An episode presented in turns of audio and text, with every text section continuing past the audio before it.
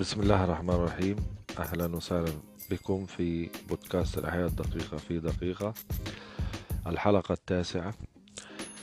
تحدثنا في الحلقة السابقة عن آلية عمل فيروس كورونا وأنه آه، يدخل الجسم عن طريق مستقبل خاص هو ال ACA2 وهذا المستقبل موجود على النوع الثاني من الحويصلات الهوائية. المسؤول عن إنتاج مادة السرفكتنت أو آه، آه، المادة التي تتكون من البروتينات والدهون والتي تقلل الشد السطحي للحويصلة الهوائية هذا الارتباط يؤدي إلى آه، يؤدي إلى تسخير الخلية من قبل الفيروس ويتكاثر ويحدث موت للخلية. عندما تموت الخلية فإن الحويصلات الهوائية من النوع الثاني أو ال surfactant تقوم بطرح مواد تسمى وسطاء الالتهابات المحددة وهذه تحفز البلاعم أو ال macrophages وال macrophages بعدها تفرز ثلاث مواد مناعية أو تسمى السيتوكينات ال interleukin 1 و interleukin 6 و tumor necrosis factor أو ال TNF.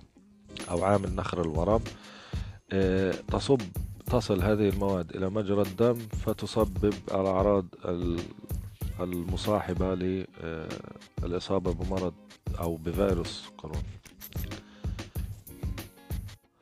طبعا تحدث أعراض آه، الأعراض آه، قلنا أنا على مستوى الرئتين توسع للأوعية الدموية يؤدي إلى تلف الحويصلات التنفسية. وتؤدي ويؤدي ذلك إلى نقص الأكسجين وضيق التنفس. وأيضا فقدان فقدان السرفكتنت أو مادة الشد داخل الحويصلة الهوائية تعمل على زيادة الشد السطحي ويؤدي إلى انهيار آه، سنخي أو أليفيولار كولابس وأيضا تؤدي إلى نقص أكسجين وضيق تنفس. آه، المواد الثلاثة وال interleukins قلنا أنه تؤدي إلى تدفق خلايا ال neutrophils أو مواد مناعية آه، إلى مكان الإصابة الفيروسية. طبعا تقوم بإفراز مادتين هما آه، ال ROS آه، وال protease. المادتين تقوم هاتان المادتان المفرزتان من ال neutrophils. طبعا تؤدي إلى تحطيم بعض الحويصلات الهوائية المسؤولة عن التبادل الغازي وتسبب حالة تسمى بال consolidation أو الدمج وتسبب أعراض السعال أو الكح آه، وقلنا على مستوى الجهاز العصبي آه، أن المواد الثلاثة ال IL-1 IL-6 وال TNF تذهب إلى الغدة النخامية. وتعمل على زيادة درجة حرارة الجسم وتسبب أعراض الحمى. وفي الحالات الشديدة تؤدي تؤدي في النهاية إلى آه، فشل كلوي. هذا استعراض للحلقة السابقة ولكن آه، البحث الجديد يقول آه، كلام جديد أنه يستهدف الدم. البحث العلمي الجديد نشر في مجلة ChemRxiv المشهورة بتاريخ 13 إبريل 2020 ميلادي وهو بعنوان COVID-19 attacks the 1 beta chain of hemoglobin and captures the porphyrin to inhibit human heme metabolism. أو أن فيروس كورونا يهاجم سلسلة بيتا واحد للهيموغلوبين ويقوض آه، البروفين لتثبيط عمليات التمثيل الغذائي لعنصر الحديد في الإنسان أو بمعنى آخر أنه يستهدف أو ينتزع آه، الحديد من على سطح كرة الدم الحمراء ويحل الفيروس محلها. آه، طبعا الباحثان هما آه، من جامعة سيتشوان آه، وهما العالم الأول وينز هونغ والعالم الثاني هوالا طبعا البحث لم تثبت صحته سريريا على نطاق واسع. يقول البحث كشرح للآلية أن كورونا لا يسبب التهاب رئوي بالشكل المتعارف عليه ولكنه يهاجم الدم عبر آلية وميكانيكية مذهلة ومخيفة. النقطة الثانية أن الفيروس يهاجم كريات الدم الحمراء وتحديدا البروفين. التي تحتوي على عنصر الحديد Fe plus 2 أو ال ferrous وهو المسؤول عن حمل الأكسجين. في النقطة الثالثة الفيروس يهاجم البروفين فينتزع عنصر الحديد خارج خارجا أي, أي ينتزع عنصر الحديد ويظل الحديد في داخل الدم.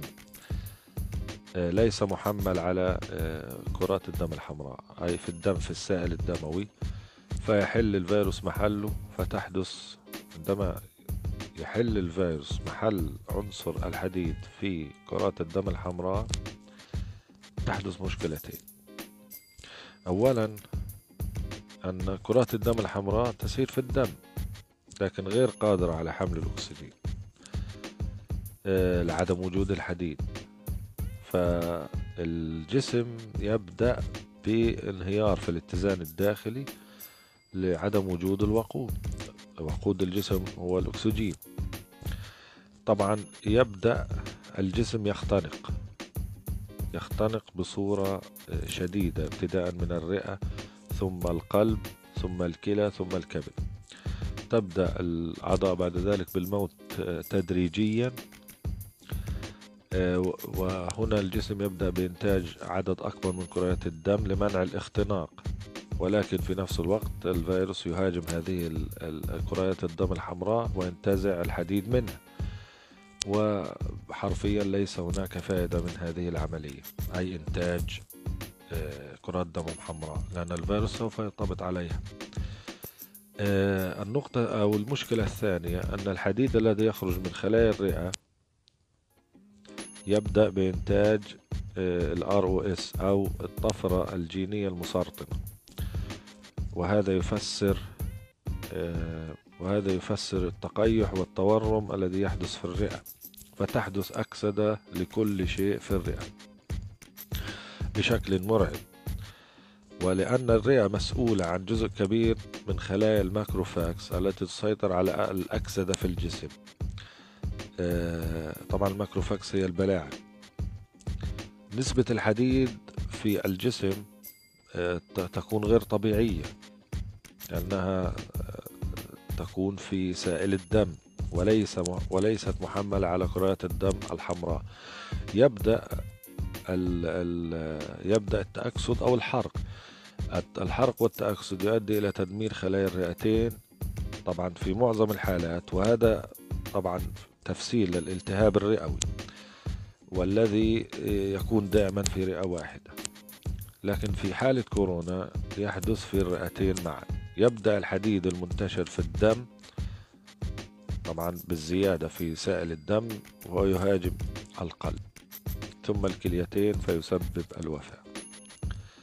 البحث تحدث أيضا عن أن الأكسجين والتنفس الصناعي ليس الحل الصحيح وهو ما تم ملاحظته في أوروبا وأمريكا على الرغم من أن المصابين يحصلون على أجهزة تنفس صناعي بشكل مستمر إلا أنهم يموتون في النهاية. آه، طبعا ال ال هذا الموضوع سبب حيرة كبيرة عند العلماء لعدم قدرة المصابين على الاستجابة. طبعا آه، أن البحث يوضح في حالات كثيرة أن نسبة الهيموغلوبين عالية في الدم وكذلك الفرس. هذا دليل آه، على وجود كورونا وأنه آه، يفرز في الأساس لكي يتم تصنيع كريات الدم الحمراء الجديدة. آه، وأن هذه من أهم طرق تشخيص الإصابة أي أن عند فحص الحديد ووجود نسبة عالية منه في الدم يكون علامة على وجود الفيروس. طبعا البحث تطرق إلى إمكانية استخدام عقار الكلوروكين أو الهيدروكسيكلوروكين أثبت فعاليته لأنه يحمي كرات الدم الحمراء من التكسر من هجوم الملاريا أي أن هذا الدواء يستهدف آه، أو يحمي كرات الدم الحمراء من التكسر. طبعا هذه هذا العلاج أظهر نجاعة وفائدة للذين أخذوه في وقت مبكر فلم يحصل لهم مضاعفات رئوية. طبعا الباحثان اقترحا أنه يمكن فتح مجال أفكار جديدة لمتخصصي أمراض الدم في حماية كرات الدم الحمراء والحد من مهاجمة الفيروس التي تنهي فعاليته تماما في الجسم. آه، نصيحة أخيرة من الباحثين أنهما قالا أن استخدام عقال الكلوروكين بإمكاننا استخدامه لأن أعراضه الجانبية بسيطة وشائعة مثل الغثيان والصداع والإسهال وانقباضات في البطن. وفي بعض الأحيان يظهر طفح جلدي لكن في حالة الاستخدام الطويل. هذا كل ما ذكر في البحث أو اختصارا ما ذكر في آلية عمل فيروس كورونا في بحث. آه، هذان العالمان البحث الجديد في آلية عمله. في نهاية الحلقة أتمنى منكم آه، الدعم على منصة باتريون حيث سأنني أضع الرابط آه، تحت كل حلقات البودكاست. وكذلك أتمنى منكم أن آه، تتفاعلوا مع هذا البودكاست وتنشروه لأصدقائكم. لكي يستفيدوا آه، من هذا البودكاست. والحلقة القادمة سوف أتحدث عن حلقة بسيطة سأتحدث عن آه، سياسة آه، آه، مناعة القطيع وهي سياسة ليس الكل يفهمها ولكن سأشرحها باستفاضة بإذن الله. شكرا لكم.